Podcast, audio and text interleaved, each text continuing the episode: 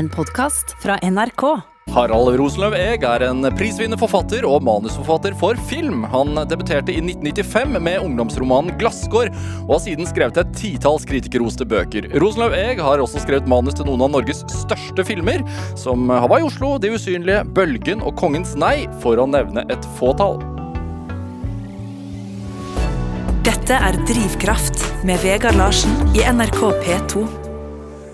Harald Rosenløveg, ja, velkommen til Drivkraft. takk. Du, du ler? Ja, jeg, jeg ler litt. Hva da? Av din egen CV, eller? Ja.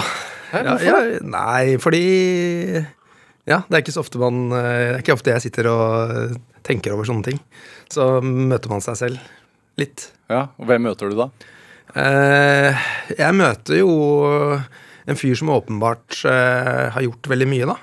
Ja. Eh, og som åpenbart eh, har holdt det gående. Har mye energi. Ja. Eh, det, det, det ser jeg. Hvordan arter den energien seg?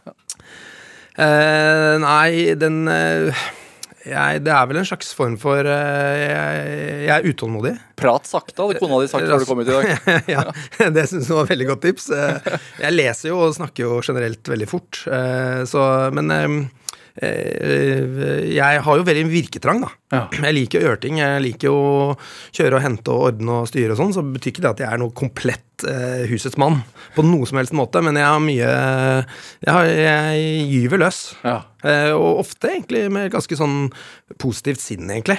Eh, jeg kjenner jeg sjøl, da. Så jeg ser jo det når du snakker om CV og sånn, Ja. at eh, det på en måte er eh, At jeg har funnet et spor, og da har jeg bare gått løs på det og på en måte funnet et sted jeg kan være. Men er det, er det sånn i alle ledd? Altså Hvis du har en, en uryddig bod, så går det og tærer til du har rydda den?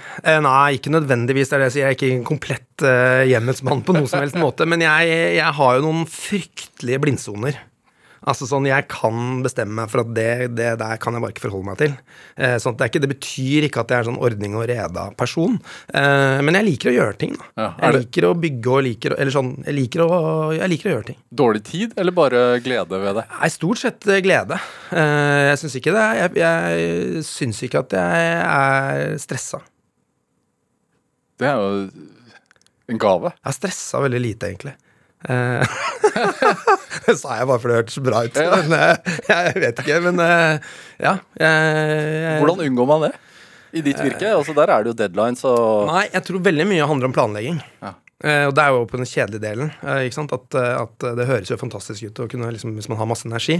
Men jeg er jo også eh, en slags kaospilot, da. Som på en måte prøver å bryte ned alle oppgaver i små biter. Som gjør at det aldri føles altfor stort når du begynner på det. Hadde jeg visst hvor stort det egentlig var, det gjelder jo jobbprosjekt eller om det gjelder familieprosjekt eller hva, hadde man, visste man hadde man tatt alt det inn over seg med en gang, Ja. så er det ikke sikkert at jeg hadde hatt den eh, energien, eller at jeg hadde gjort det. Men Men, du- eh, jeg bryter, jeg prøver å plukke det liksom fra hverandre. Jeg husker en eller annen som hadde vært på sånn kaospilotskole, det er jo sikkert helt ut nå, men da var det sånn, hvis du skal gjøre det om ett år, Mm. hvis det skal skje om ett år, hva skal du gjøre i, om, en, om fem minutter? For, og der tror jeg, det tror jeg er ganske bra på, da. Eh, og, og ta litt og litt. Har du et konkret eksempel på det?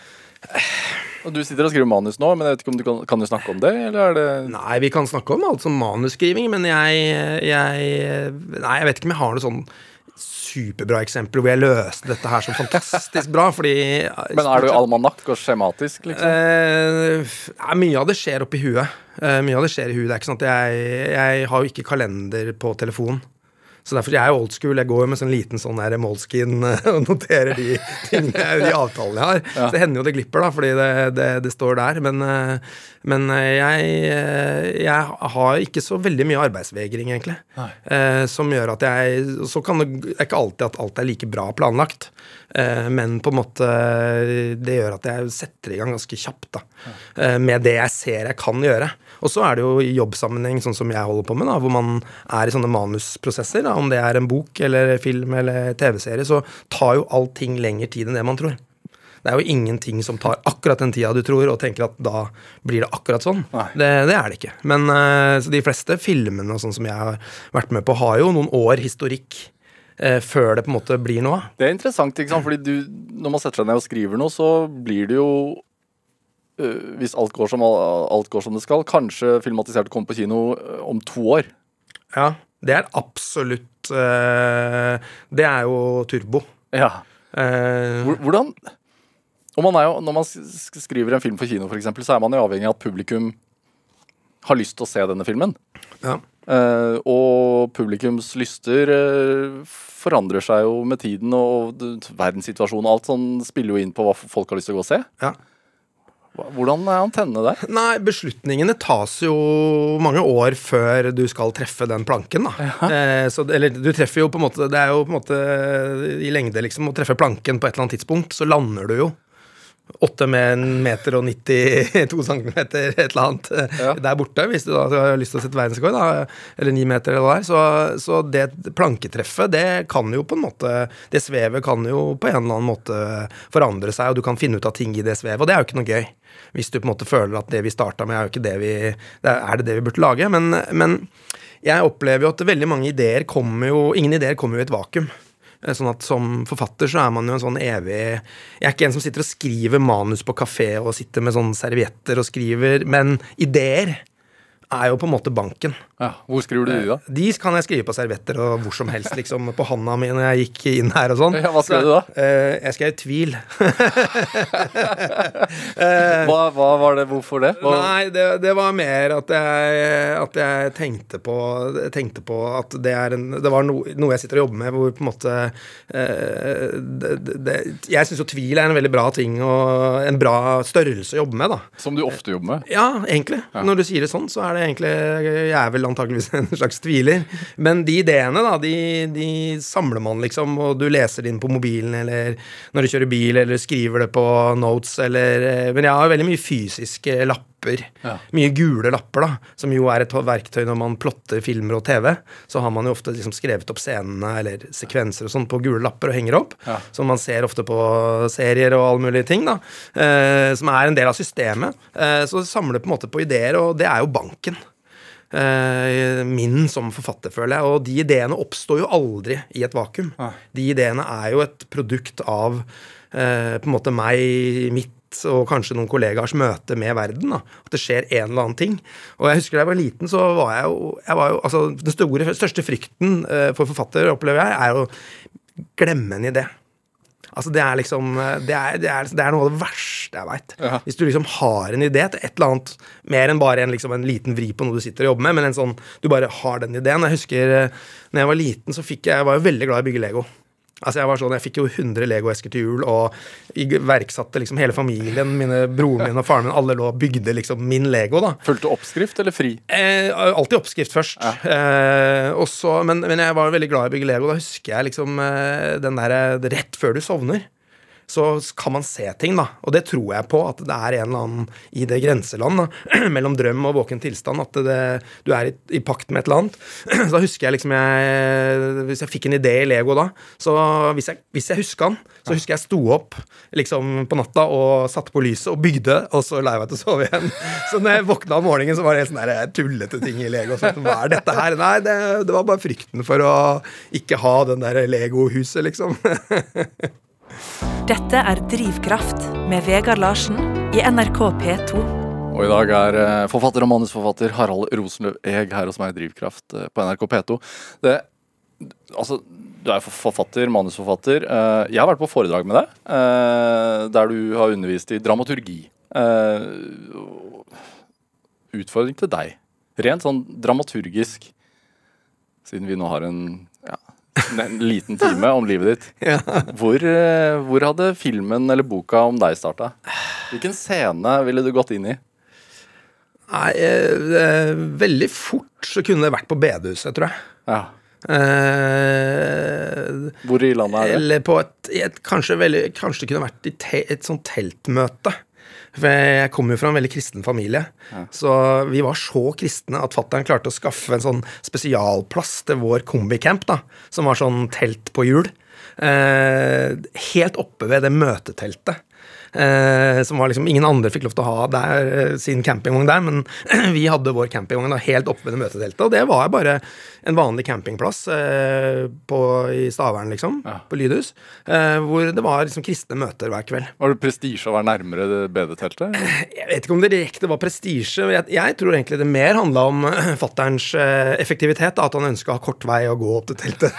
han var jo der hele tida, så det var ikke noe sånn, dette var ikke noe fasade på noe som helst måte. Sånn se hvor from jeg er. Men, men jeg, kanskje jeg kan huske at jeg lå aleine i den kombicampen og hørte det teltmøtet eh, hvor mamma og pappa var der inne. Eh, og noen ganger så var jeg der òg, liksom. Men den der følelsen av et sånn kristent møte i et sånt blått sirkustelt, som det jo var, med liksom på kvelden hvor det begynner å bli dog i gresset, og det er litt sånn fuktig på sommeren, norsk sommer, og liksom rusle bort fra den der k- kombicampen, bort til teltet der. Det, det å se liksom de folka som sitter der og ja, er på et kristent møte, liksom, og synger salmer og, og hører på en eller annen predikant, da. Det, for meg så er det et eller annet sånn ur, eh, en urepisode, da. Hvor, hvor gammel var du da? Nei, det var hele oppveksten, egentlig. Jeg, vi var på ferie der sånn fra jeg var sikkert baby til jeg var liksom 12-13, kanskje. Ja. Eh, så så det, det er liksom Et godt minne? Er det en god start på den romanen, eller er det en Ja, det er Tvilende måte start. Det er en, det, definitivt ikke tvilende på det tidspunktet. Da var det jo tro under tvang. Eh, litt. Eh, som jo på en måte alle sånn predikantbarns Selv om ikke min far var prest, så var han jo en slags sånn lekmannsfyr. Eh, så hadde man jo ikke så mye valg i begynnelsen der. Man var jo, ble jo dratt med på utrolig mange ting. Eh, men, eh, altså av kristne ting. Men, eh, men, men på en eller annen måte så var det ikke noe sånn Det, det, var, det var spennende òg. Det var kjedelig, selvfølgelig. Dritkjedelig å høre lange, lange lange møter. Men de der kveldsmøtene, når det begynte å bli litt sånn der Folk ble litt bedt for, og det var litt sånn halleluja-stemning og sånn, det, det var jo på en måte spennende. Og på en måte liksom pirrende å se liksom voksne mennesker som vanligvis liksom går og oppfører seg helt vanlig, plutselig liksom få Dette var ikke noe sånn veldig frikirkelig, så det var ikke totalt halleluja og tungetale og sånn helt, men liksom den følelsen at folk eh, viser noe annet, da. At det fantes noe annet Det enn fins noe annet, og de, de menneskene er noe annet enn de tørre menneskene du ser der ute liksom helt i hverdagen. Det tror jeg nok jeg tenkte Eller sånn at det jeg på en måte opplevde som en litt eksotisk ting. Eh, og så ble jo på en måte den eh, det, den, den arenaen ble jo på en måte litt forgifta etter hvert, da. Hvorfor det? Eh, fordi moren min var syk. Eh, sånn at eh, egentlig så lenge jeg kan huske, så hadde hun egentlig forskjellige former for kreft. Eh, og dette var jo 70-tallet, og etter hvert over 80-tallet, som gjorde at det var jo ikke noe sånn Det var jo en litt sånn tidlig fase av behandling, og hva gjør man egentlig, som gjør at det, det var jo ikke noe Det var jo ikke det enorme kompetansen som fins i dag. Så det er jo så mye feil, og det er jo så mye liksom Det, var ganske brutalt, egentlig.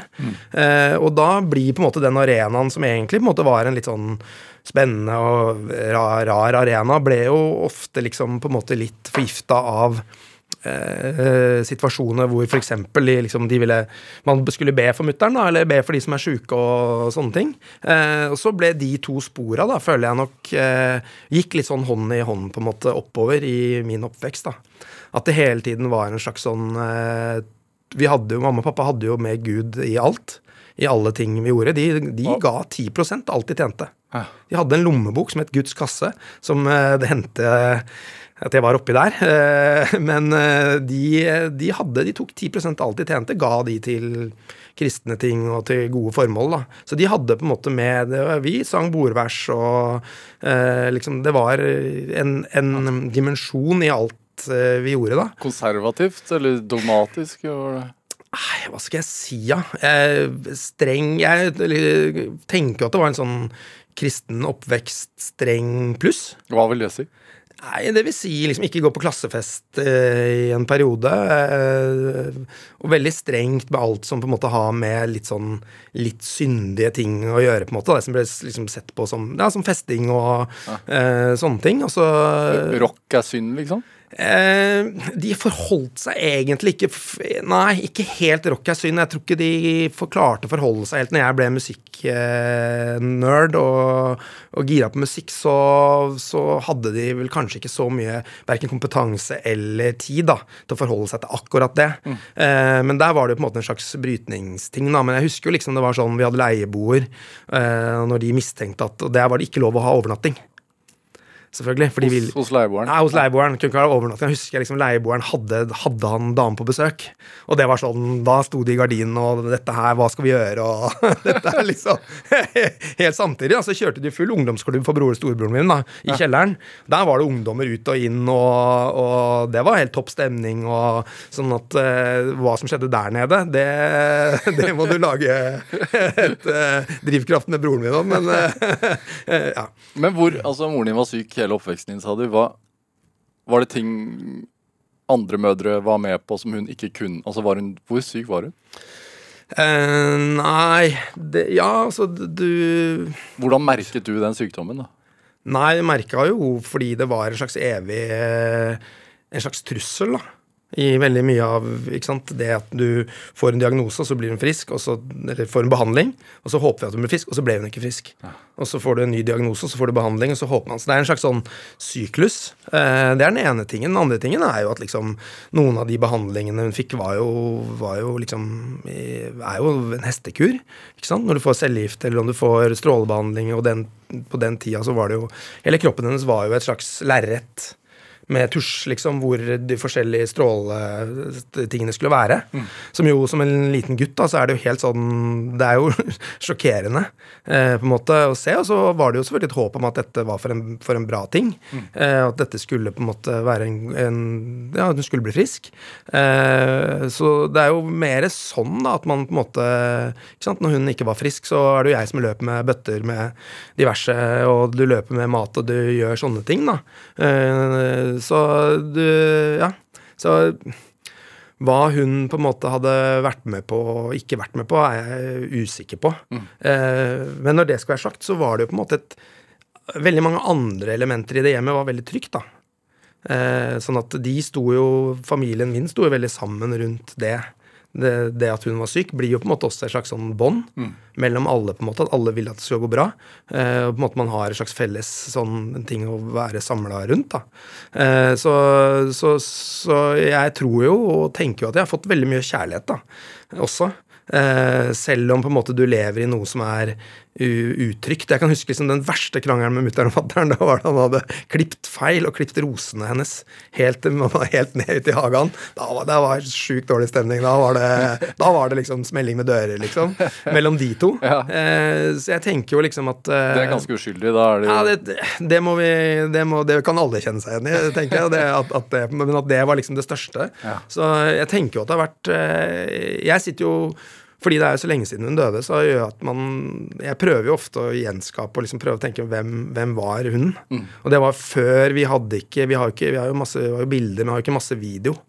Så jeg har jo liksom ikke den der liksom helt nøyaktig. Så av og til så kan jeg liksom drømme og prøve å forestille meg liksom hvem hun var, da. Og jeg tror jeg var veldig mammadalt. Så jeg var nok veldig på fanget hennes og fikk jo høre det litt av mine eldre søsken. da, At liksom det er han som kan dø foran kjøleskapet og den stilen der. For jeg var litt sånn Nei, mamma, kan ikke du lage brødskive til meg, liksom? Så jeg var nok eh, Ja, For du var veldig attpåklatt. Jeg var veldig appåklatt, da. Så jeg har to søsken som er ni og tolv år eldre enn meg. Så, så eh, ja. Så for, for meg så er det en slags eh, Den begynnelsen i det teltet. Eh, på en måte i den derre sommer... Den nordiske sommeren. Med litt sånn eh, Litt eh, dog i gresset, liksom. Eh, og alt det rare som egentlig skjer der inne. som liksom sakte blir blir til noe på en måte en, eh, Hvor hun på en måte De møtene blir jo også en del av hennes helbredelse. De reiser rundt for å prøve Når man prøver alt. Eh, så føler jeg at de to trådene, da, eller de to spora, eh, er nok veldig, står nok veldig sterkt fra i begynnelsen av eh, i filmen eh, 'Historien om mitt liv'. Ja, og tvil, da. Ja. For man må jo begynne å stille spørsmålstegn ved dette her, da. For de trodde så utrolig sterkt på det. Og så er jo liksom De trodde jo så sterkt Mamma så jo Jesus på bedehuset. Eh, eh, som jeg har tulla med liksom noen ganger, og liksom, men det hjalp jo ikke. Eh, litt. Eh, så, så den eh, Jeg vet liksom ikke om jeg Hvor mye på en måte Hvor mye jeg la i, i den troen sjøl, men på en måte ritualet, da. Å be for noen. Det ritualet i at du på en måte prøver å få det til, det, det er jo noe som fanger, nesten om du tror på det eller ikke. Eh, Det fanger deg på en måte litt. Du blir jo liksom en del av det, eh, fordi det er så sterkt. Ja. Eh, Så jeg har jo ligget liksom i senga mellom mamma og pappa, og de liksom ba for henne. Eh, Og da ligger du der som en liten gutt. Så liksom du, du er jo en del av den bobla der. Eh, Så det er vanskelig å ikke eh, håpe at det skal funke, da. Er det, du har jo skrevet altså Glassgård, debutromanen din, Ja. eh, handler jo om dette her. Ja. Bare at du har byttet ut moren din med broren din. ja. Er det, ofte så er det jo sånn at når man debuterer, så skriver man ofte om ting man kjenner veldig godt. Helt klart. Men er det også en Altså, Hvorfor brant du inne med det? Var det en terapi? Hva var det Eh, nei, altså Eller ja, det har det jo helt, helt sikkert vært, da. Men jeg satt Det var ikke sånn at jeg tenkte at dette skal jeg skrive om.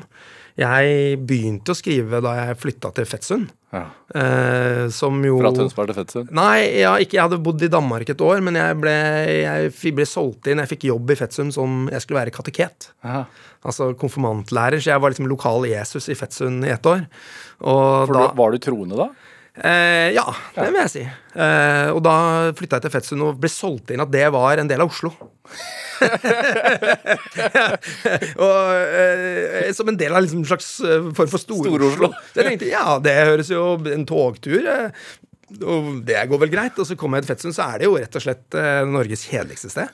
Eh, på en rar måte. Eh, og da hadde jeg jo litt tid til overs, og det ble jo ikke det yrende studentlivet jeg trodde jeg liksom skulle Eller liksom sånn der henge på Blindern med de folka som gikk der. Nei, jeg satt ute i Fettsund, da. Ja? Da- da På en hybel? Ja, på en hybel. Selvfølgelig en sokkelleilighet i, i Fettsund. Eh, Så sånn mure, litt sånn smårå muresokkel der. Og så, eller kjeller, det var det kanskje. Og så begynte jeg rett og slett å lese.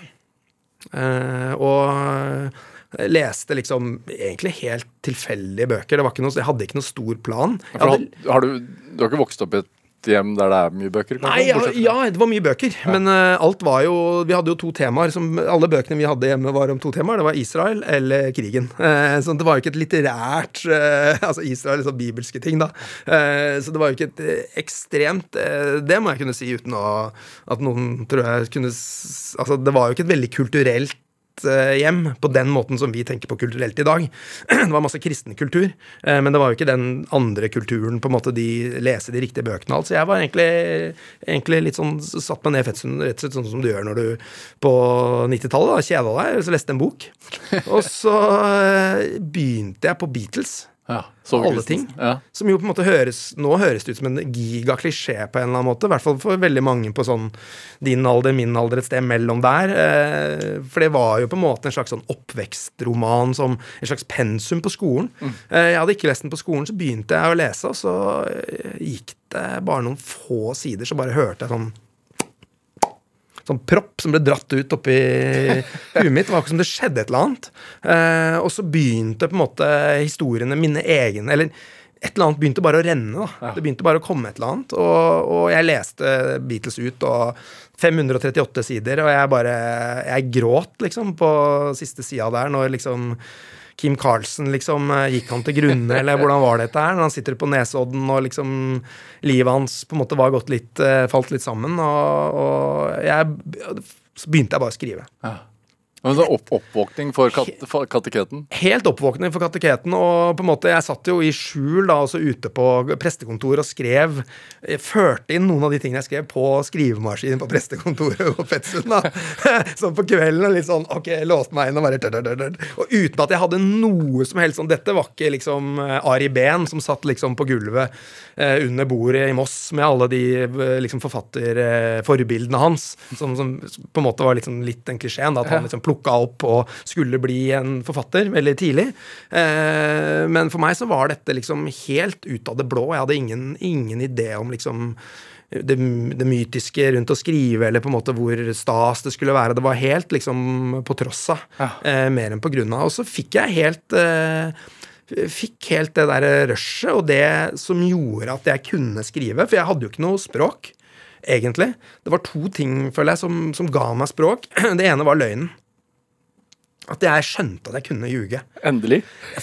Fantastiske befrielsen. Og dette er jo også sånn der barneskolelærdom, men, men, men på en eller annen måte så, så Fordi løgn var ikke særlig ansett eh, som en god ting hjemme hos dere. Nei, ikke, ikke hjemme hos oss, og ikke på skolen. egentlig Nei, nei. ingen steder. Jeg var nok eh, kanskje en sånn ufo-elev som på en måte hadde liksom fantasifulle ting, og så kom, jeg, kom man jo inn i norsken og skjønte at det å skrive analyser var smart hvis du skulle få god karakter og alt det der. Men plutselig så var det sånn den løgnen, den befrielsen det var å bytte navn.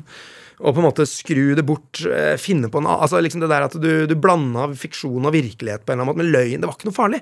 Du kunne bare ljuge. Det var akkurat som For meg så, så rant det ut eh, det med å ljuge. At det var utrolig deilig. En liksom kardinalsynd som du bare begår eh, i, i åpent lende. Og den andre tingen var språket, da. Det var rett og slett eh, det muntlige språket. Når jeg skjønte at jeg kunne skrive sånn som jeg snakka Nå snakker jeg jo altså, Dialekta mi nå er jo helt ødelagt. Eh, den Vestfold-følelsen, A-endelsen og Jeg tror jeg har fått en eller annen pris en gang for bra A-endelser og breit språk eller et eller annet. Da. Eh, men, eh, men den der følelsen at du kunne skrive sånn som du snakka At jeg skrev liksom jeg skrev brev, eller så skrev jeg alltid veldig muntlig. Og når jeg skjønte på en eller annen måte at når du skriver en slags fiksjon, da, så er det jo ingen som skal komme og rette eller se på det du har gjort, og oi, dette, dette kan du ikke skrive. Du, du skriver jo sånn. Mm. så for meg så var det liksom Jeg fant stemmen, da. Både med løgnen, at jeg liksom kjente at det var utrolig deilig, og hva som er fakta og hva som er fiksjon. Eller på en måte sånn, det, det er ikke, den, den, den døra blir blåst opp av den der utrolige rusen det er å kunne ljuge. Finne på noe. Får du den ennå? Ja, den får jeg ennå. Er det det som også er en slags motor? Ja, det er det og Ja, veldig, veldig, veldig veldig, veldig stor grad. Jeg har jo på en måte ikke noe særlig å komme med sånn privat.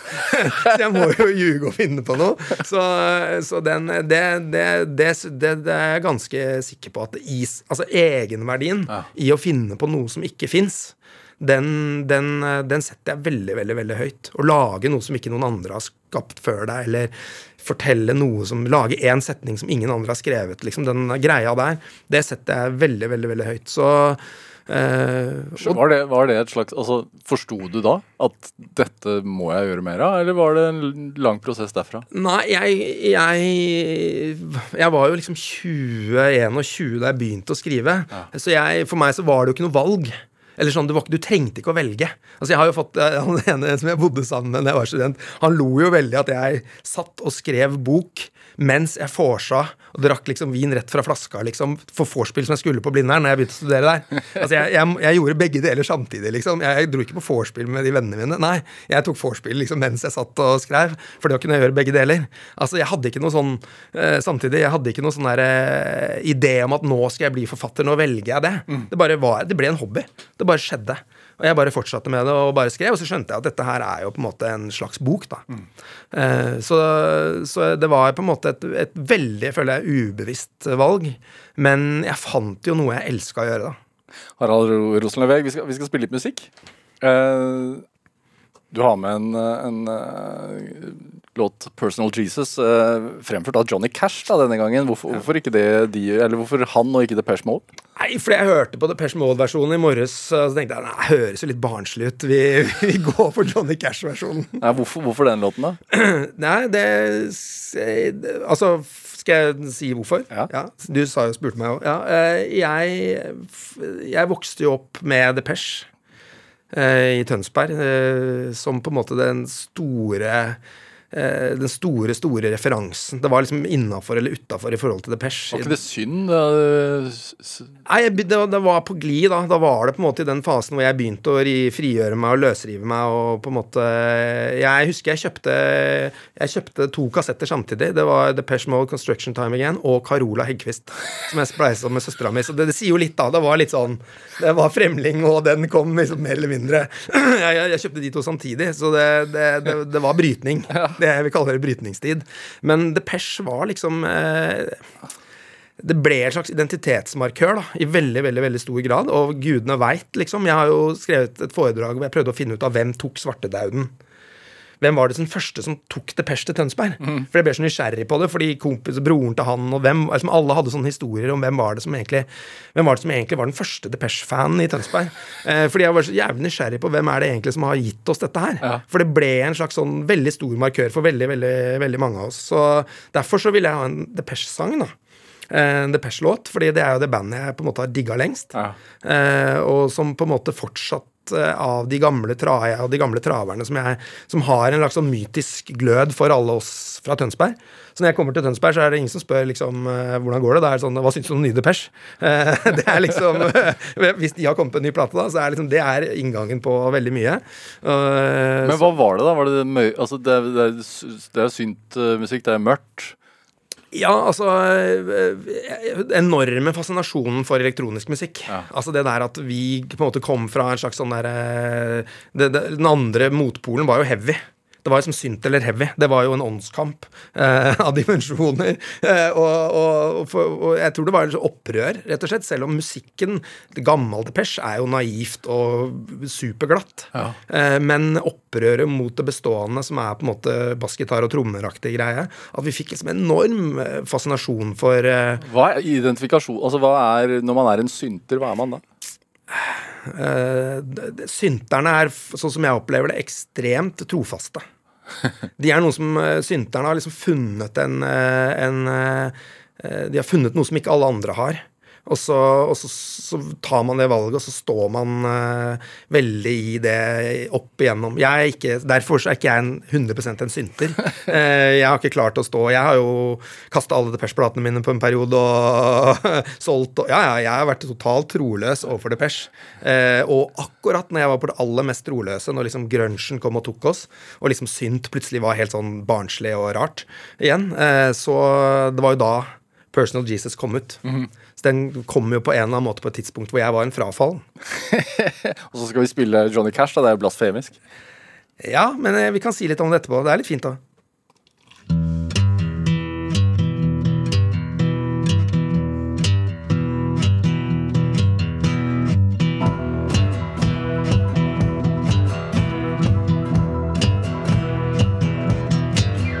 your own personal Jesus. Someone to hear your prayers, someone who cares. Your own personal Jesus. Someone to hear your prayers, someone who's there.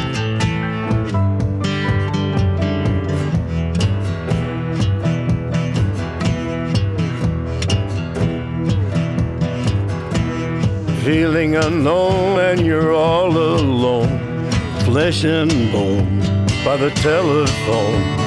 Lift up the receiver, I'll make you a believer. Take second best, put me to the test. Things on your chest, you need to confess. I will deliver, you know I'm a forgiver.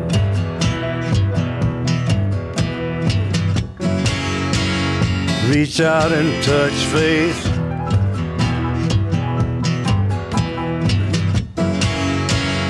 Reach out and touch faith. Your own personal Jesus. Someone to hear your prayers, someone who cares. Your own personal Jesus. Ja, du fikk eh, Johnny Cash som eh, sang 'Personal Jesus' her i Drivkraft på NRK P2. Valgt av dagens gjest her i Drivkraft, nemlig forfatter og manusforfatter Harald Rosenløv Eeg. Det kom jo en ganske morsom anekdote, eller eh, fun fact mens vi hørte på den. Jeg visste ikke om dette her. Jeg bare, men, men gjenta gjerne. Ja, altså, Nei, du, du spurte meg veit du hva den handler om. egentlig? Ja, nei, den, den, jeg valgte den jo også fordi den hadde et slags religiøst tema. Ja. Eh, den, du, du sitter jo og føler at det handler om liksom en eller annen form for religiøs søken. Og Depeche har jo flørta veldig mye med liksom sex og religion. Har jo vært liksom i deres univers, i tekstuniverset, hele veien. Men denne sangen handler faktisk om Priscilla Presleys forhold til Elvis. Eh, som hun har sagt i et intervju, at eh, he's my personal Jesus. Ja. Han betyr så mye, han er en person som er så viktig, at det og, og vår kjærlighet er på det nivået. At det er som min kjærlighet til Jesus. Og det, det kjente jeg til det, det, det syns jeg er en fin bakgrunnshistorie for en sang som tolkes og brukes imma mye. da. Og når Johnny Cash synger det, så føler du jo liksom at det handler, det handler, ikke, om, det, det handler ikke om et kjærlighetsforhold. Men det Altså, det var på søken, da, etter en personlig Ja, Jesus. ja, ja. Siden du øh, brutt Altså brøt da med, med, med menigheten din. For det gjorde du på en måte. Ja, eller eh, jeg eh, er jo ikke en eh, Ja, jo, det kan man si. Jeg, jeg brøt ikke med en menighet. Så, så drastisk var det på en måte ikke. Jeg har jo vært med i veldig mange forskjellige kristne steder. Jeg har jo vært med i TenSing og Indremisjon også. Det var liksom ikke sånn ett ett sted jeg var til slutt. Eh, men jeg eh, jeg brøyt nok på en måte med den eh, Jeg måtte nok finne ut av ting litt sjæl. Du reiste til Vietnam, blant annet. Ja, altså jeg var på liksom en backpackertur, da. I, på, liksom tidlig på 90-tallet. Ja. eh, hvor liksom du skulle Det var jo For meg så er jo liksom backpacking er jo liksom noe av kjernen i, i 90-tallet for veldig mange. da Antropologi og backpacking og, og liksom forstå verden da på en annen måte enn som den vanlige turisten eller som sjømann eller den, den der følelsen hvor du liksom kasta deg litt ut i det. Eh, liksom, eh, og da var liksom backpacking Skulle jeg og kompisen min gjøre det. Og så hadde vi en slags sånn eh, Vi skulle til India, så skulle vi et land til. Så kjøpte vi billett av en, eh, på et vietnamesisk reisebyrå. Eh, fløy med Aeroflot, som jo var det beste selskapet på den tida. Men, og da sa hun dere må dra til Vietnam. Det, det, det er jeg helt sikker på at dere kommer til å elske, liksom. Ja. Eh, og så hadde vi rett og slett bestilte vi Så vi var i India en måned, og så var vi i Vietnam en måned. Og så sa hun når dere drar dit For hun visste at jeg studerte religion eh, og hadde jo studert kristendom og hadde begynt å studere religionshistorie. Så jeg var jo på en måte på glid i forhold til eh, andre ting og andre sannheter, andre virkeligheter. Og så mm, sa hun siden du studerer religion, så skal dere dra til det og det tempelet. Så ga hun bare et, et liksom to ord. K-tatt heter det. Dra dit. Ok, det ligger sånn cirka der. Ok. Og vi drar jo, er jo liksom Jeg og Kim, da, kompisen min, vi er jo unge og naive og først er i India og opplever det og drar til Vietnam og skal finne dette tempelet. Og, og, og så bruker vi jo litt lang tid på å finne det, og til slutt så kommer vi liksom opp i liksom den tempelgata der, og der kommer det liksom en kar gående liksom med på, kjørende på motorsykkel med liksom strikkelue og boblejakke og sneipen i munnviken, da, og det var liksom den lokale munken, som var akkurat like gammel som oss. da. Han bare ja, ja, dere må være med opp i tempelet. Så vi liksom bodde i det tempelet noen dager. Et, et buddhistisk tempel liksom i Vietnam. Stor kontrast, eller sterk kontrast til teltet, kanskje? Eh, ja, og, ikke. Eh, for på en eller annen måte sånn ytre sett så kan det jo på en måte ikke være mer annerledes med glorete figurer og Det er jo et, sånn Vietnam, altså det er jo et kinesisk eh, buddhistisk univers. Så det er jo taoisme konfusjonisme, og hele tempelet besto jo av liksom 20 små grotter med guder og, og på en måte naturkrefter og buddhaer og alt, liksom. Så det er jo liksom I, i, i vestfoldsk eh, teltsammenheng så ville det jo vært direkte avgudsdyrkelse. Eh, liksom alt det som man på en måte ofra ris til der. Eh, så, men eh, allikevel så var det jo noe av den der samme følelsen eh, når vi sto inne i de bitte små templene hvor de munkene De sang. Fordi i kinesisk tradisjon så er jo meditasjon resitasjon. Så de sitter ikke og mediterer stille, de, de synger og sjanter jo. Eh, sånn at å være inne i det tempelet der sånn på kvelden, og sitte liksom bakerst i en sånn liten grotte med to munker eller tre munker som sto og slo på sånn trommer og, og sang tekstene, da. Eh, det var, hadde jo på en måte noe av den der eh, samme følelsen at du er en del av et eller annet. Var, og vi ble tatt imot utrolig raust, da. Um, folk liksom eh, Ja, de tok oss imot og var jo selvfølgelig kjempenysgjerrig. Hvem er disse to langhåra karene her, liksom? Men var du, bare, var du bare på eventyr, eller var du på søken Nei, etter noe? og bare på eventyr. Følte egentlig at det bare var eventyr, men vi dro jo dit. Vi, brukte vi dro jo til et tempel fordi vi var fascinert av tanken på det tempelet og, og hva det innebar. Men vi, var ikke, vi satt jo ikke der. De, vi kunne jo ikke noe vietnamesisk, og de kunne jo veldig lite engelsk. Så det var ikke noen sånn eh, pilegrimsreise med religiøs søken. Men, men båndene, altså den, det sosiale, eller på en måte den måten du ble tatt imot på, og folka der som bare var utrolig hyggelige, eh, det, det, det, var et eller annet fellesskap der som, som jo er jo ekstremt sånn forlokkende og på en måte fint, da. Og som er helt ute av tida. Det er liksom helt ute av all tid. Det er på en måte liksom, det er en helt, helt fantastisk annen virkelighet. Og så ble vi jo intervjua Politiet kom veldig tidlig, da. Så fra første dagen så kom det en politimann opp og skulle spørre hvem vi var, og se på passa våre og alt dette her.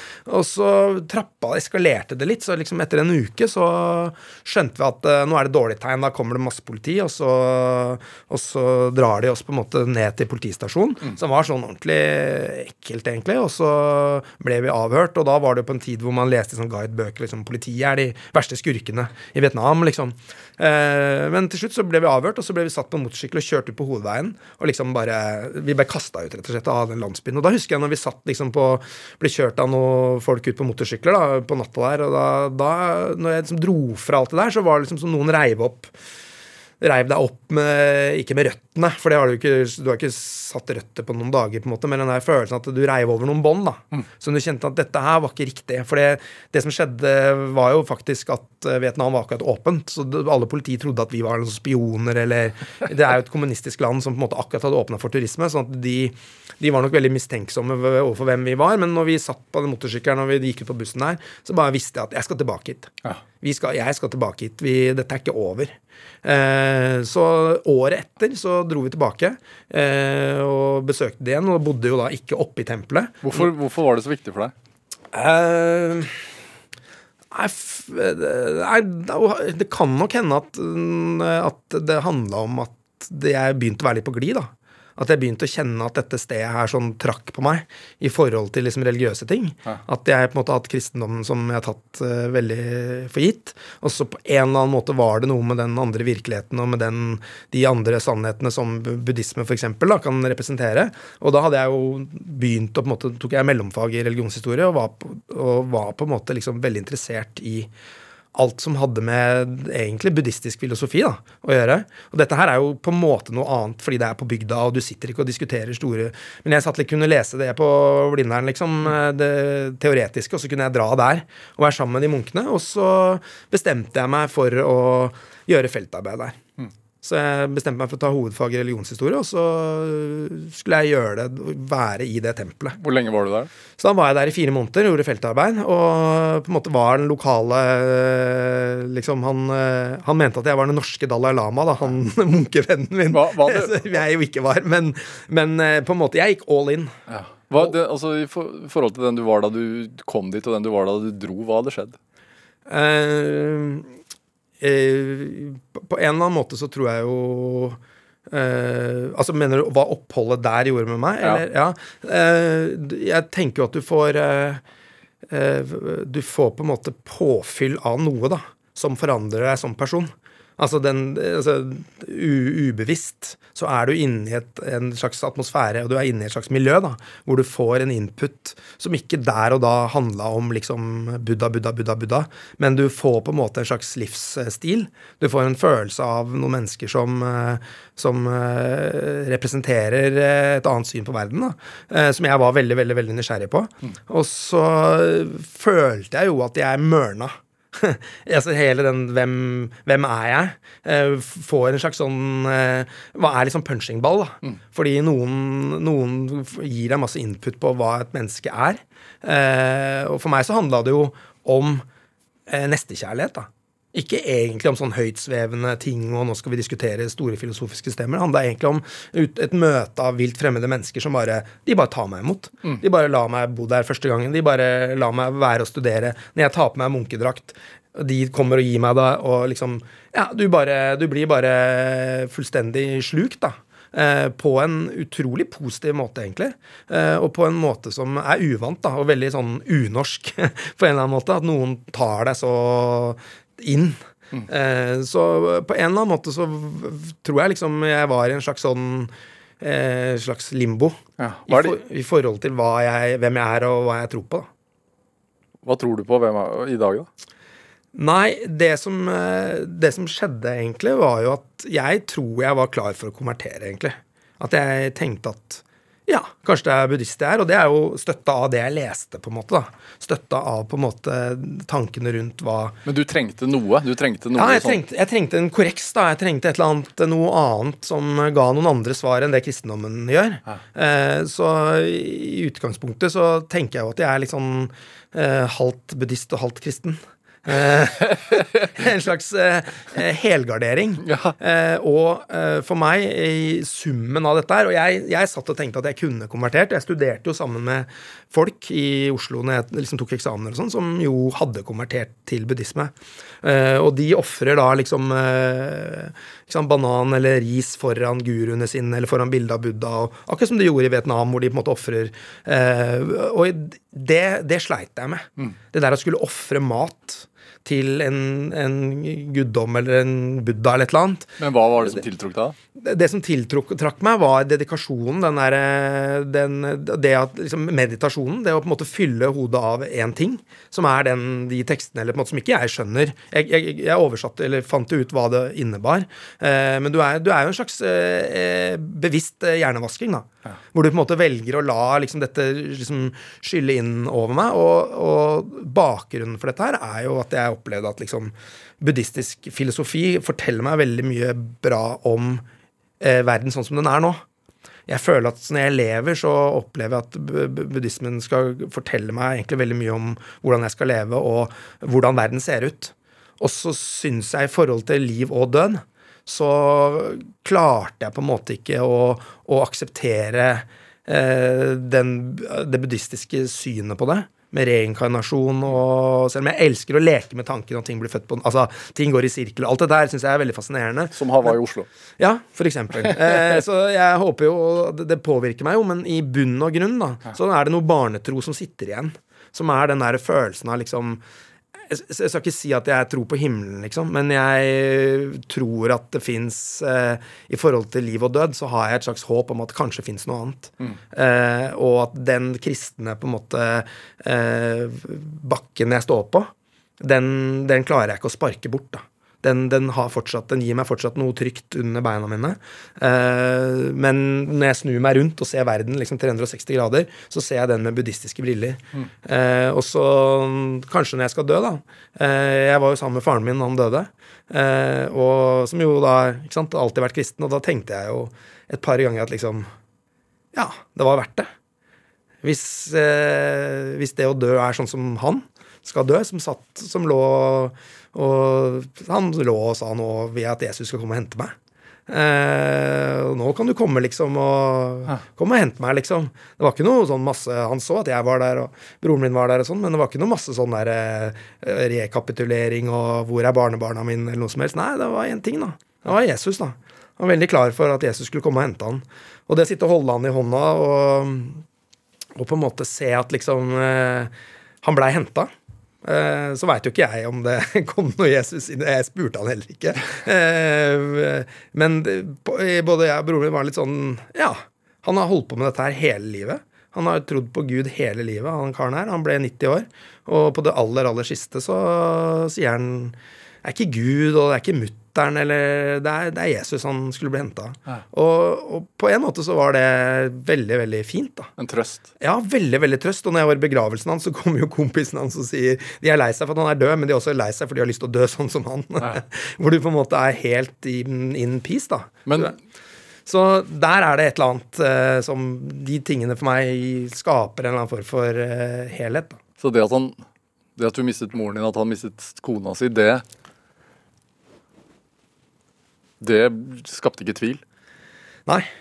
Eller altså ikke det, det, kan jo hende de gjorde det, men ikke sånn som jeg opplevde det. Jeg opplevde at det, det Han hadde et eh, sikkert hele veien en veldig tro på at han skulle se henne igjen. Eh, og det, det, jeg opplever ikke at det ødela hans gudstro, snarere tvert om, egentlig. At han på en måte Det gjorde han enda mer iherdig i sin tjeneste på alle mulige plan. da. Og det å liksom på en måte til slutt der så kunne jeg tenke hvor mange dumme møter i det teltet var det han dro meg med på, liksom. Og jeg bare åh, eh, Sikkert eh, når jeg var barn også syntes at eh, søndagsskole og kor og alt mulig Det var masse gøy, men det var også Det var ikke alt som var like frivillig. Men på en måte så tenkte jeg nei, jeg syns det var en fin måte å se noen dø på, da. det med altså, tri, tro og tvil og også hva skal man si, den der snu seg rundt mot buddhismen. Det er jo tematikk som går igjen i veldig mye av det du skriver. Eh, også det at man kan være i midten av tenårene og står overfor en stor utfordring. Hvorfor er, er, det det som, altså, er det det som er det, liksom, de store spørsmålene som, som tværer, som du hele tiden vender tilbake til? Eh, kanskje det. Eh, jeg eh, eh, Tvilen er veldig interessant, for det betyr jo at det er noe tro der. Ja. Eh, det er jo lett å på en måte bare tro. På en måte så er det mye lettere, sånn som med fattern, som er en person som har, eh, omfavner et helt, et helt eh, livssyn. Eh, og all ære til han for det, men å, altså, grensene er jo veldig interessante. Grensene mellom det ene og det andre er jo på en måte mer interessant enn dette er kristendom, og dette er buddhisme. Eh, jeg har funnet det veldig interessant et eller annet område mellom der. da. Eh, og, og tvileren på en måte i all arbeid, sånn som vi jobb, sitter og jobber, så er det jo på en måte den eh, tvilen på Og da mener jeg ikke at du skal tvile på karakteren din nødvendigvis, men, men det der å se karakterer i forskjellig lys, og se at mennesket er flere personer, eller en karakter har et maske, men det har også en, en, et spøkelse bak der, eller den måten vi hele tida sitter når vi lager historier. Eh, der føler jeg at liksom tvilen er jo på en måte nøkkelen til alle karakterer. Eh, er jo egentlig å åpne opp. Det er ikke der de er skråsikre. Eh, det er ikke der de er nødvendigvis superlykkelige, eller det er ikke der de er superlei seg. Det er i, i skjæringspunktet, på en måte. Den tvilen som er imellom, eh, er jo det som på en måte er interessant da, når man skal prøve å knekke en karakter, som, som når vi sitter og lager en karakter. Så eh, for eksempel, da, som en teit ting, teit eksempel, uten at man skal over-intellektualisere, men Kristoffer Joner da, i 'Bølgen og skjelvet' mm. er jo liksom det er jo, skrevet, ja. Som jeg har vært med å skrive, da. Vi er jo flere som har skrevet det. Og det er jo en, jeg syns jo fortsatt at det er eh, bra ting. Og, men det spennende der var jo på en måte at vi har jo en geolog som egentlig er sånn en varsler. Liksom, nå skjer det, nå skjer det, nå skjer det. Og så i det øyeblikket det ble Kristoffer, som fikk rollen, eh, som på en måte jo jeg har tulla med noen ganger, er som Norges minst sannsynlige actionhelt. Han syns jo det er veldig trist å høre. men det er, det er sant. Sorry, Kristoffer. Men, eh, men det at det blir han, da, er jo nettopp Han tilfører jo For meg, han er jo en ekte tviler. Han er jo en som på en måte for meg, Ikke som person, men som karakter. Han er jo en som klarer å manifestere den hele tida, det der mellomsjiktet. Eh, og det, for meg så ga det den karakteren. da, Christian Eike ga jo på en måte Og det var ikke jeg som fant på at det var Kristoffer som skulle ha den rollen, men for meg så ga det den karakteren noe annet. Eh, og noe ekstra, på en måte, fordi det er den, det er den tvilen som ligger og gnager i hele oppbygninga til der hvor han får lov til å være en karakter. da. Hvordan er det egentlig å sitte og se på stort lerret eh, at noen gestalter det du har skrevet? Eh, nei, det, det er jo alltid Først så har man jo en liten sånn sorgvisning. Første gang man ser eh, første klipp, som de som kan dette her. Altså Man ser jo ofte filmen litt før den er ferdig, og da er det alltid en sorgversjon. Som alle de som, Og det er ikke noe til forkleinelse for noen, på en eller annen måte. Du klarer ikke å gi ros etterpå Nei, da, uansett? da, fordi det var jo ikke akkurat sånn, og da jeg fortalte dette til en regissør, altså, da sa han det er bare fordi ikke de regissørene du har jobba med, er gode nok. men eh, det, det tror jeg ikke, men nei da. Men, eh, eh, men den første runden så er det jo alltid liksom en slags sånn eh, Hodet må eh? Først har man jo på en måte lagd et kart, Ja. eh, og så er jo jeg 110 innforstått med at, at det, det er liksom 500 mennesker som skal gjøre noe med det kartet. Og det kartet er ikke sånn at jeg har sittet på hytta i to år og tegna et kart, og så overleverer jeg det. det. Er jo, alt her er jo mer eller mindre gruppearbeid. Men liksom, du må på en måte Du har laget et kart, og så ser du det, så må du på en måte Når du ser det, så tvinger du kartet til å passe terrenget. Eh, på en måte så må du få de bitene til å passe, så må du få alt på en måte falle på plass. Og så opplever jeg jo veldig fort at det er stas, da. At det er veldig veldig, veldig gøy, men det, jeg tror nesten eh, utelukkende førsteversjonen gang man ser en film som man har skrevet, eh, så, så, så, så må man kjenne på alle de tinga. Og så opplever jeg jo veldig, veldig, veldig ofte eh, at det, det liksom hvem er, hvem er jeg i dette her? Folk har heva det og tatt det opp og Altså liksom Du, du er jo en på en måte en liten maur da, som har liksom en slags elefant på ryggen eh, i en filmproduksjon. Så eh, hvor man bare blir også takknemlig da, for alle de valgene som er tatt, og den jobben som alle mulige folk har lagt ned i det. Du har jo levert masse som blir til eventyrlige suksesshistorier. Hvordan er det en drivkraft? Suksessen? Nei. Eh, nei, jeg opplever ikke. Det er gøy. Det er jo veldig, veldig veldig gøy. Og alt du gjør, farges jo av respons. Sånn at det er jo ikke sånn eh, at, eh, at jeg, man er upåvirka av det. Du har jo en følelse at det som har gått veldig bra, er veldig bra. Det trenger jo ikke å være sånn. Eh, virkelig ikke. Og det er jo ingen fasit på noe som helst, men, eh, men eh, jeg tenker at det ikke, ikke er en drivkraft i seg sjøl. Eh, når man lager ting for, for kino, f.eks., mm. så er det jo noe annet enn å sitte og skrive en bok. Fordi du har et slags ansvar. I hvert fall på veldig mange av de prosjektene som jeg har vært på, så er det jo et slags ansvar også fordi du, du Det å ha med publikum de er jo en del av prosessen når du skaper det. Hvordan leser publikum dette? Ikke bare hva jeg har lyst til å fortelle, men hvordan leser de det? Hvordan ser de dette? Hvordan vil dette oppfattes? Hva? Hvis ikke det er drivkraften, hva er det da? Nei, det å se det er jo en enorm drivkraft. Ja, men Så- de, sånn din drivkraft generelt?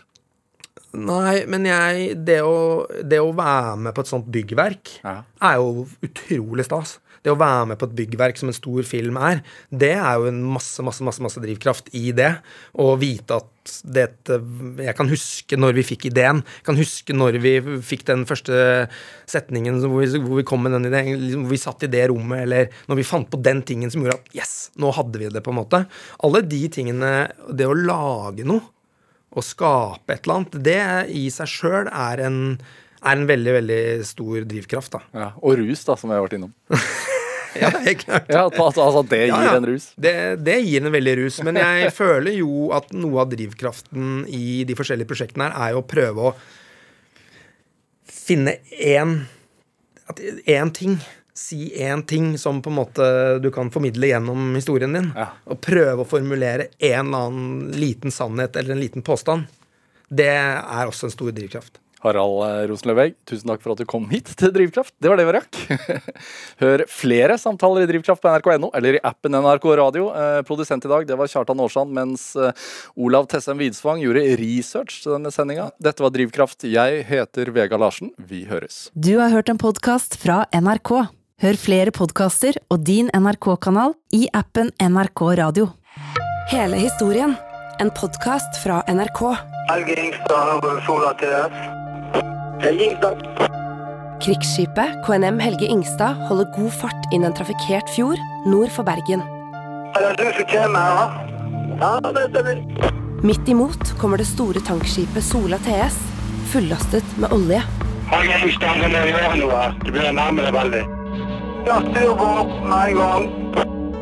Havariet KNM Helge Ingstad hører du i appen NRK Radio.